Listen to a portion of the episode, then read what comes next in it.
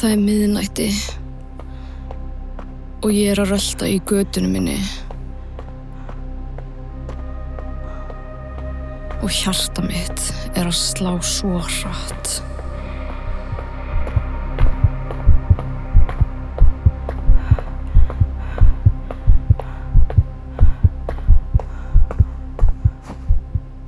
Ég er að býða eftir honum að sækja mig.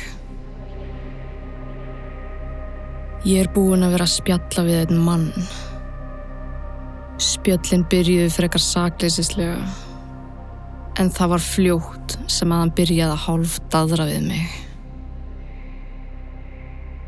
Það er eitthvað við hann sem að ég veit ekki hvað er.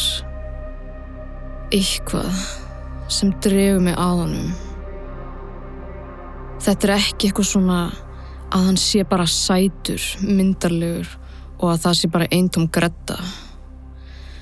Heldur, þá líður mér eins og ég verði að hitta hann.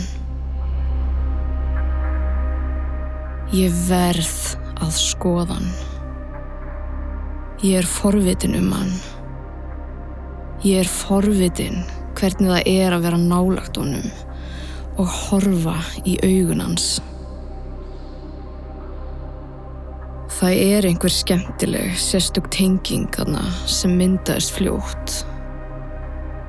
En það kviknaði líka lítill nisti sem varða glóð sem fór fljótt að brenna og það myndaðist þetta stóra bál allt í einu inn í mér. Það er eins og ég sé fjötruð, lit af einhverjum álögum.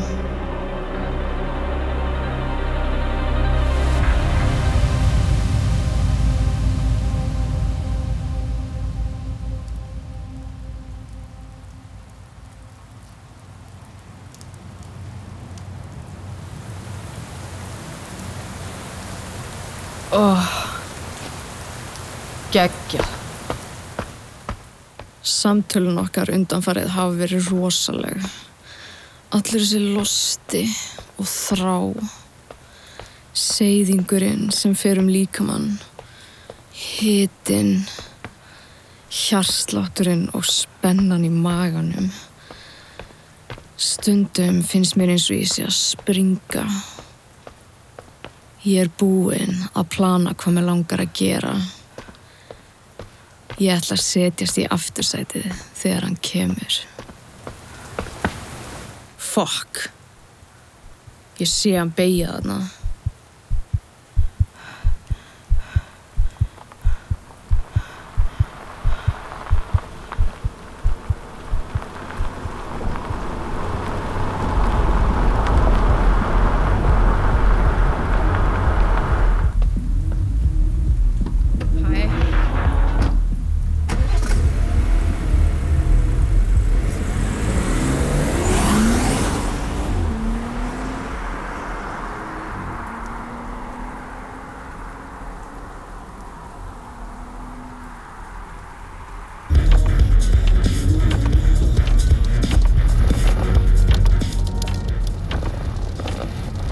Já, ég ætla að setja hans aftur í.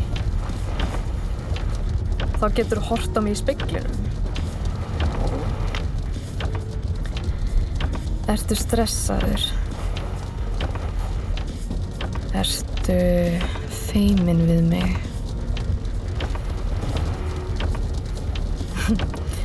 Vá, þú ert ennþá myndalegri en á myndum eða vídjónum. Ég ákveð að renna niður hættupeisunum minni.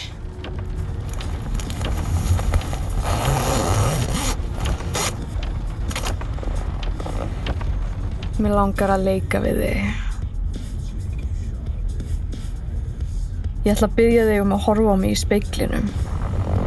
Og það er bannað að keira út af. Heldur þú getur gert það? Ok. Þessi þættir eru engungu í áskrift. Ef þú vilt þeirra meira, smeltu þá á hlekkin í lýsingu þáttarins.